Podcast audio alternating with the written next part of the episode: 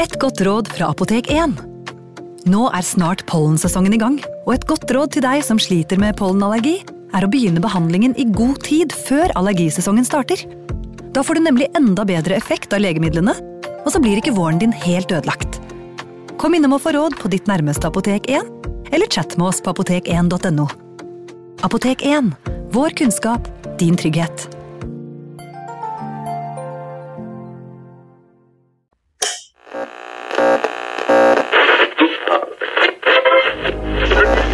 Vi skal gjenta særmeldingen i dag. Nummer én Kjerringa er galen. Nummer to På ski over lyng og kvast. Nummer tre Baklengs inn i aftensangen. Baklengs inn i aftensangen.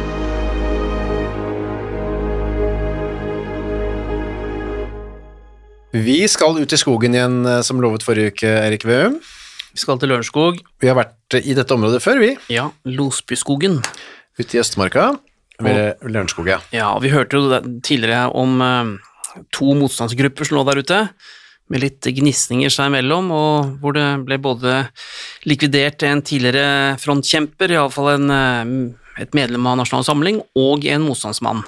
En av Milorgs gruppeledere, eller eh, hva man skal kalle det, lagførere. Og når man snakker om gutta på skauen, så er altså Østmarka en av de skauene som ble brukt. Ja. Både som et sted å være for de som gjemte seg fra arbeidstjenesten, eh, motstandsfolk, og også de som hadde lyst til å flykte til eh, Sverige via Østmarka. Det var en del som gjorde. Ja, og så hadde man også etablert eh, treningsleire, hvor Milorg eh, trente opp eh, ja, krigerne sine i å drive motstandskamp, rett og slett.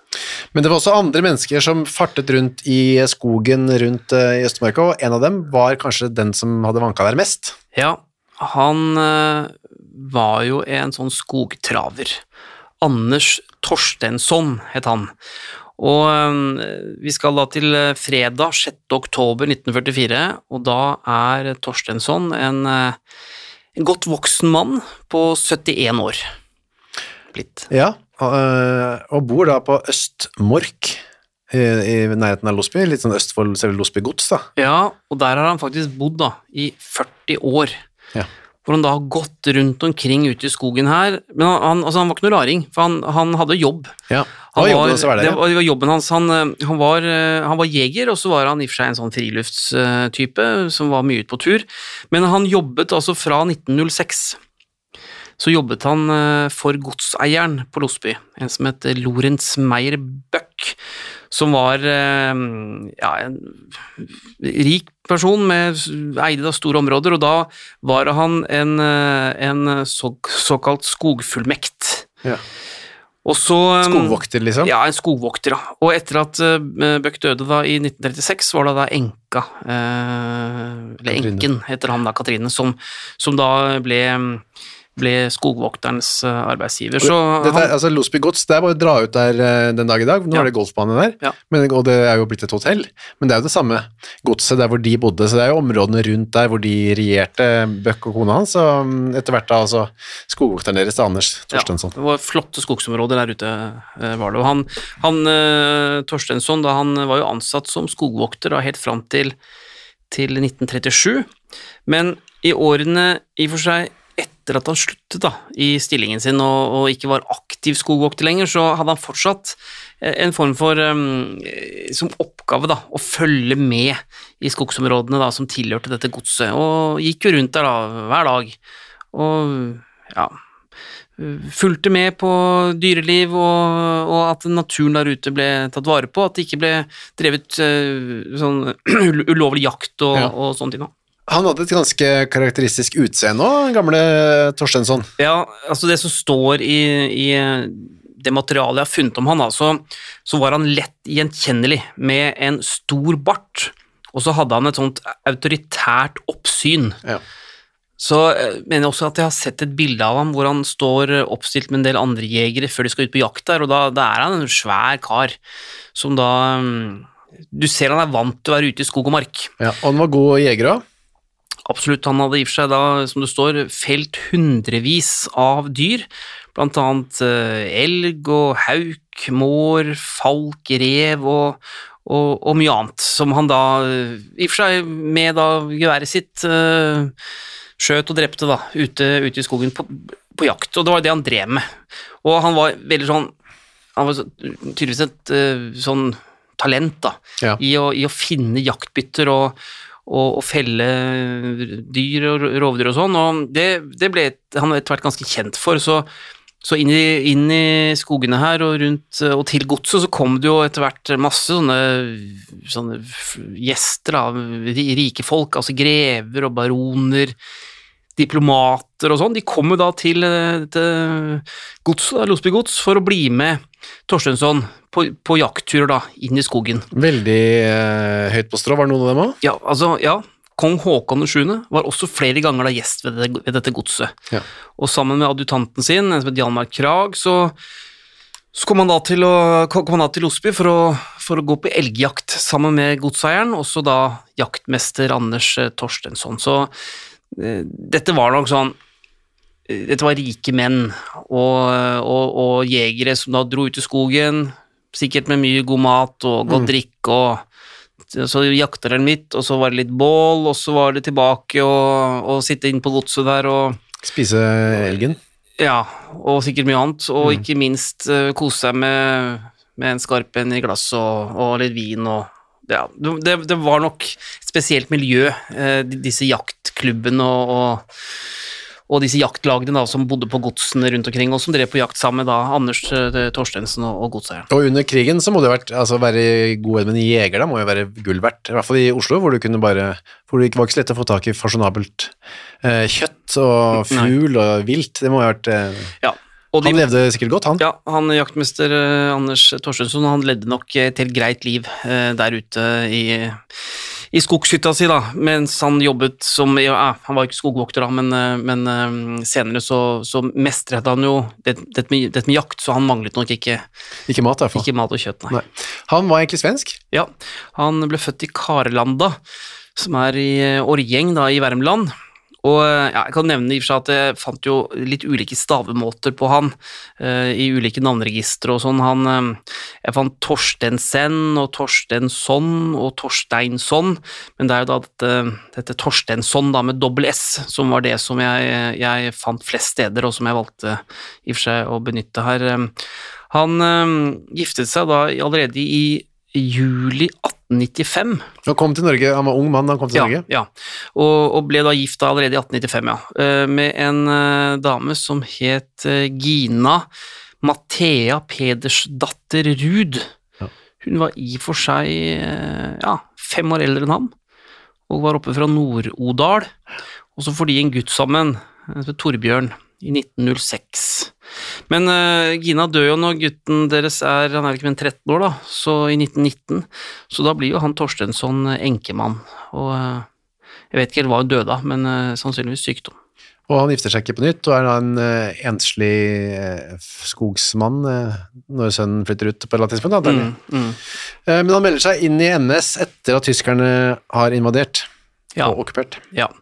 Eh, en gang etter 9. april eh, så går han inn i 1940, da, så går han inn i Nasjonal Samling. Det, det, det, er, er litt Det er ikke så mange eldre menn som går inn uten å ha i og for seg en annen sånn interesse av partiarbeid enn å bare være medlem. Men jeg, jeg har funnet noen, og han er jo en av dem. Uh, han er ikke noe aktiv innen partiarbeid. Um, finner han ikke annet enn eh, registrert som et medlem av NS, men, men ikke noe sånn eh, type ja, lederstillinger, eller, eller eh, han utmerker seg ikke på noen spesiell måte. Men etter hvert så blir han jo da av Midlord vurdert som en, en betydelig sikkerhetsrisiko, og havner da etter hvert på, på oversikter over personer som ja, enten ryddes av veien, eller likvideres, eller iallfall fjernes på ulikt vis. Da. Og det har jo delvis fordi han visstnok skal ha angitt uh, nettopp disse unge mennene som gjemmer seg ute i skogen der han går, da. Ja, enda en sånn, uh, en sånn årsaksforklaring. Her har du da unge menn og ungdommer og, og, og guttunger som da har um, rømt ut i uh, Losbyskogen for å unngå da disse tvangsinnkallelsene som kom annet til, uh, til Norges arbeidstjeneste. Og de ligger da i dekning der ute, og, Og, og, og der kommer det da etter hvert rapporter inn til Milorg fra flere om at denne 70-årige tidligere skogvokteren han eh, traver da rundt omkring i skogen på, i disse områdene som han kjenner da bedre enn sin egen bukselomme, og um, innrapporterer disse uh, unge mennene og guttene som da har uh, rømt fra, fra disse tvangsinnkallelsene. Og der får han jo da uh, et merke utenfor navnet sitt hvor det står angiver. Ja. Og det betyr jo at han da også er et um, mulig mål for en likvidasjonsgruppe. Og da tilbake igjen til 6. oktober 1944. Da banker det på døra hans. Ja, vi vet da at på ettermiddagen så står det to menn utenfor døra hans. Eh, Det er to menn i 20-30-årsalderen. Og eh, han bor jo da oppe i andre etasje i, i en bygning da, inne i Losbydalen. Og mm, disse to mennene de ble sett, så ifølge vitner så har de på seg eh, blå toppluer, de går i lysende rocker, de har på seg langstøvler, de har med seg hver sin ryggsekk. Altså, de bærer preg av å være på skogstur eller skal bevege seg ute i naturen eller skogen litt over tid. Så de kommer jo ikke rett fra Altså, de har ikke på seg hatt og frakk. Nei. Ehm, så eh, hva, hva som blir sagt i samtalen mellom dem, for han, han Torstensson åpner døra etter hvert. Hva som blir sagt, det, det vet man ikke, men det blir da sett at han kommer ut, åpner døra, kommer ut, snakker litt med dem, og så blir det etter hvert, iallfall ifølge vitnene som ser dette her, at han blir med dem. Eh, Det står noe motvillig, jeg, jeg vet ikke som, hvordan man vet at det var motvillig, Nei. For uh, han, han, han går med dem iallfall, men uh, Vi skjønner jo, hvis vi kommer snart til noe som kan peke litt på at han ikke var så veldig medvillig, i hvert fall. Ja, men uh, en av de vi vet banker på hjemme hos han, det er en ung mann, han er 23 år. Han heter Yngvar Fredrik Johansen, han kommer opprinnelig fra Røyken, i det som nå er Aske kommune. Ja, Er ikke der du bor? Det er faktisk helt riktig, og det er derfor jeg vet Du vet veldig mye om den riken? Absolutt. Eh, veldig koselig sted. Mm. Men uh, Johansen er da bosatt i Oslo, og um, Johansen skrev også senere en ganske, ganske god rapport da, om det som skjedde eh, den dagen. Skal jeg lese litt fra den? Før aksjonslaget innen troppen ble opprettet, var jeg med på en likvidasjon. Jeg var på det tidspunktet nestkommanderende i troppen. Det kom da ordre fra ledelsen at en Torstensen, som var skogvokter ved Losby i Østmarka, skulle likvideres. Jeg fikk oppgitt at han hadde angitt ca. 100 mann som hadde ligget i dekning i Østmarka, men kjenner ikke noe mer til dette forhold. Det var da tre menn av oss som skulle ha jobben, og vi fikk utlevert en Sten gun, en Colt samt en Mills-granat. Selv fikk jeg Colten. Mannen med stengunnet skulle ligge utenfor for å dekke huset, og vi andre gikk opp til Torstensen, som bodde i andre etasje. Vi traff Torstensen hjemme, og han ble spurt av den andre mannen om han kunne følge oss et stykke inn i Østmarka, idet vi sa vi var flyktninger og måtte komme oss unna. Torstensen nektet dette, og den andre mannen viste da fram granaten, og jeg tok opp pistolen og tvang Torstensen til å bli med. Vi gikk innover mot et sted som kalles Nordre Halvsjøen, hvor vi mente at vi hadde dekket retretten godt nok. Vi ba da Torstensen gå litt til side, idet vi sa at vi skulle se på kompasset, og med det samme han snudde seg, skjøt mannen med stengunnet et skudd slik at Torstensen falt, hvoretter jeg skjøt to skudd med min kolt, og deretter nok et skudd i hodet fra stengunnet. Vi hadde ikke fått noen annen ordre enn at vi skulle likvidere ham, og vi bare dro ham litt til side slik at ingen skulle se ham, hvoretter vi gikk hjem. Dette var omtrent i oktober 1944, og vi skjøt ham ved fem-seks-tiden om kvelden. Og her kommer du svaret på dette med motvilligheten, da. Ja. At det holdt å vise frem et våpen, eh, og da forstå han alvoret og ble med. Det er ganske nøkternt eh, skildret. Ja, altså, når man hører deg lese det, og, og leser det selv og så, så slår det jo en at det er ikke noe følelser her, eller uh, verken i ene eller andre retningen. Nei. Ikke noe fortvilelse over at man har utført et såpass eh, brutalt og, og, og jeg kaller det et intenst oppdrag, da, men, men heller ikke noe sånn triumferende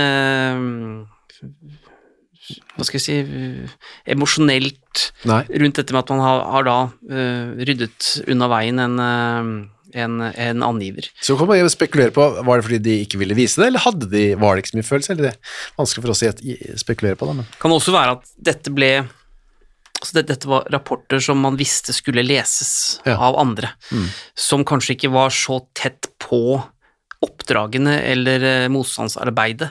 Og mm, for mye i en eller annen retning kunne jo gjøre at eh, det kom til å få konsekvenser for arbeidet som skulle gjøres eh, ved andre tilfeller, f.eks.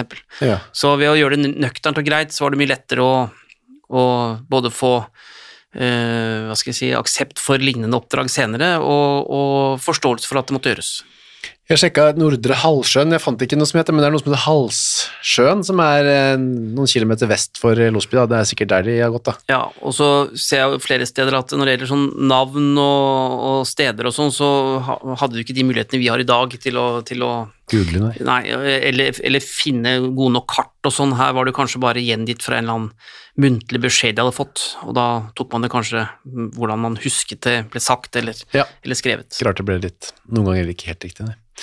Men da var han der altså, og død, og så ble han meldt savnet eh, dagen etter eh, av, eh, vet ikke hvem det var, da, kanskje Nei, nabo, eller? Ja, kan også være disse vitnene. Ja. Det er jo nevnt et hus med To etasjer, ja. Ja, så det kan være andre som bodde der. Eh, Det var jo ikke noe eh, Nå er jeg ikke sikker på om det var andre bygninger rundt, men dette var jo ikke et eh, Dette var et skogsområde, Mm. så var neppe mange andre mennesker, så det kan jo være en nabo som har, har sett denne samtalen og hva som har skjedd der. Men han blir, som du sier, nevnt, meldt savnet da, dagen etter.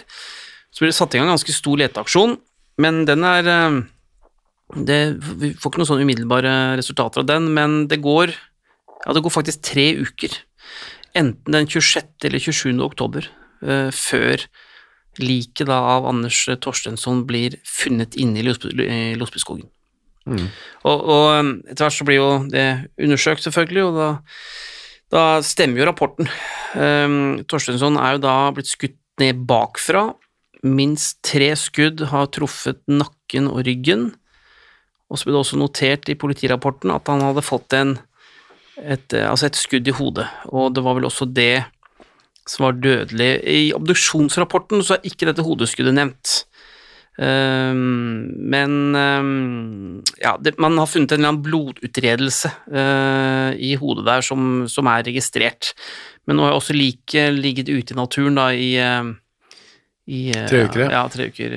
Så det er klart, det kan jo ha vært at Og, og da, det har ligget da i skogsområdet med, med, med dyr og, Mm. og sånn, så det, det kan jo være at det ikke har vært så lett å se alle skuddskadene. Han ble skutt bakfra, det, så han så det han en ikke. Kan jo tenke seg til at han at eh, han ikke skjønte hva som skulle skje, men samtidig å gå sånn langt innover i skogen der, han vet jo hva han har gjort, og at de har med seg våpen, så kan det hende, sånn, hende at han ante hva som skulle skje. Ja, det er nok um, grunn til å anta det, i og med at han også ble med ut dit, og vi vet jo heller ikke hva som har blitt sagt der. Men ifølge rapporten da, så har dette her skjedd på en veldig rolig og Mm. om ikke human måte, så i hvert fall så har det jo hensikten vært å ta livet av ham så fort som mulig da. Ja, vi har jo eksempler bare forrige uke på ting som gikk mye mer, ble mer Ja. rotete enn det de ble her. Ja. Ja, han hadde på seg litt klær og hadde litt ting liggende i jakken og sånn. Ja, han ble blir fraktet da inn til et rettsmedisinsk institutt. Eh, Det skjer jo samme dagen som liket ble funnet, og der går man igjennom i og for seg både, både klær og, og, og kroppen hans for, for øvrig, da, og man finner jo i og for seg ikke noe spesielt i jakkelommen hans, men, eh, men eh, man utelukker jo ran, fordi han har fortsatt en del personlige eiendeler, noen verdier der, det er noen eh, litt penger i en eller annen pengepung Ja. og i en av bukselommene så finner man noen papirer. Så ran blir utelukket, og ganske raskt da så mener politiet at dette her er et, et oppdrag utført av motstandsbevegelsen, og at det er en, en likvidasjon. Og det settes også da ganske raskt i forbindelse med at uh, Torstensson uh, har uh, av motstandsbevegelsen blitt mistenkt da for å ha gitt opplysninger til det tyske sikkerhetspolitiet om personer som da var i skogen, og det er grunn til at det lokale politiet fanget opp disse opplysningene etter hvert også, eh, på en eller annen måte, ved at de da ble, ble, ble, ble fortalt at dette kunne da være mulig en kilde for Gestapo. På obduksjonsbordet så um, så eh, ble det da registrert hva Torstensson hadde på seg. Han, eh, han kom da inn med en grå jakke. Den var eh, i og for seg fuktig, står det bemerket i rapporten. Det er ikke så rart etter tre uker i skogen. Nei, det er jo i og for seg forståelig. Han hadde også på seg en skjorte, vest og bukser, så han var jo i og for seg eh, må jo si pent antrukket. Ja.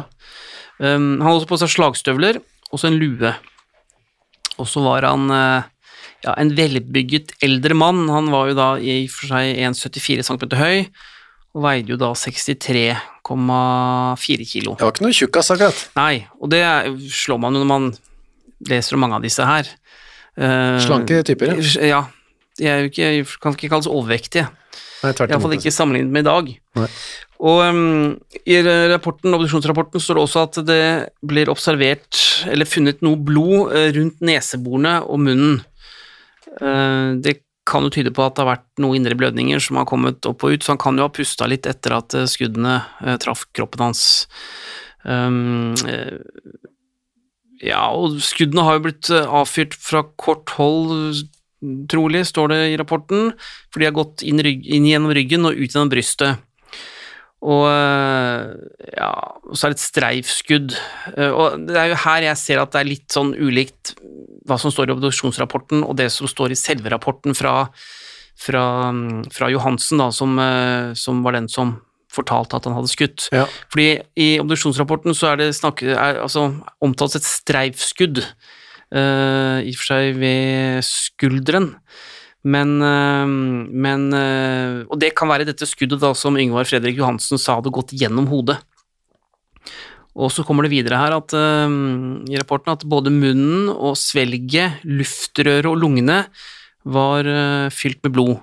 Så det kan tyde på, som jeg nevnte, at man fant blod rundt munnen og, nesa, betyr at han kan ha pusta en stund etter at han ble skutt, og at eh, det kan i og for seg ikke være eh, blødninger som tok livet av ham, eller skuddskadene, men faktisk da at han ble kvalt av, av, eh, sitt eget blod. Han druknet i sitt eget blod. Nettopp. Men det er jo litt motsatt det vi sa i stad. da. Hvis det ikke, det var ikke, da var det på en måte ikke så eh, henrettelsesaktig som man Ja, skulle prøve. og vi, da, vi har jo forholdt oss til rapporten fra Johansen som uh, slo fast at han fått et hodeskudd, Mm. eh, og at han ble trukket til siden og ble skutt bakfra, men det er klart eh, eh, Han har han blitt kvalt i sitt eget blod, så har han tydeligvis da ligget på ryggen. Og, og at eh, døden kan da ha kommet på den måten. Men uh, dette her blir jo i og for seg eh, Obduksjonsrapporten uh, slår fast et litt annet et litt, litt annen fremgangsmåte enn en selve rapporten som Milorg har i sine arkiver. Men ja, han døde iallfall, og det tok eh, Det kan ikke ha tatt så lang tid. Nei. Eh, Det var fire skudd som traff kroppen hans, og med omfattende blødninger så, så eh, døde han i og for seg. Om ikke umiddelbart, så tok det ikke så lang tid. Og han ble gravlagt 14. november, så det var jo en stund det da, en måned omtrent. Men, Ja. men der var det ikke liksom Carl Martinsen og Bård Krantz fra Quisling? Nei, jeg fant veldig få Eller lite omtale eh, av det her. Og eh, det ble også satt opp da en ganske enkel eh, gravstein, der det sto eh, 'Din nåde er meg nok'. Dette er på Lørenskog kirkegård. Ja. Og jeg har jo sporet opp den graven, eller vil si, der den lå, for nå, nå finnes det ikke lenger. Den er slettet. Men Losby gods ligger der fremdeles, og skogene rundt, og Ja. halvsjøen alt, så det er bare å ta seg en tur. Ja da, da kan man gå og, og kjenne litt på hvordan det har vært der. Kanskje man er heldig. Det sies jo at det spøker på Losby gods, du, hun gamle Bokk går igjen der, visstnok. Ja, Kanskje Torstensen går igjen ute i skogen. ja Sats på at vi ikke møter han. Takk for denne ukens uh, lille, lille rapport. Selv, selv takk. vi snakkes igjen om en uke. Det gjør vi.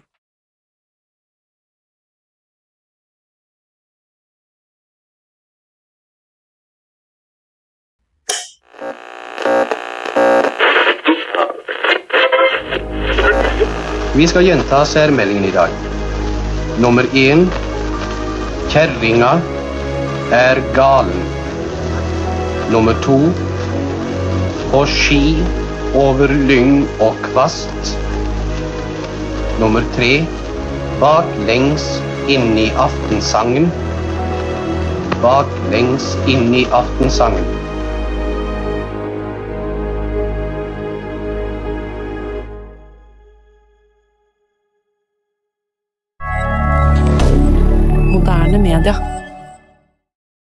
Har du et enkeltpersonforetak eller en liten bedrift? Da er du sikkert lei av å høre meg snakke om hvor enkelt det er med kvitteringer og bilag i fiken, så vi eh, gir oss her, vi. Fordi vi liker enkelt. Fiken superenkelt regnskap.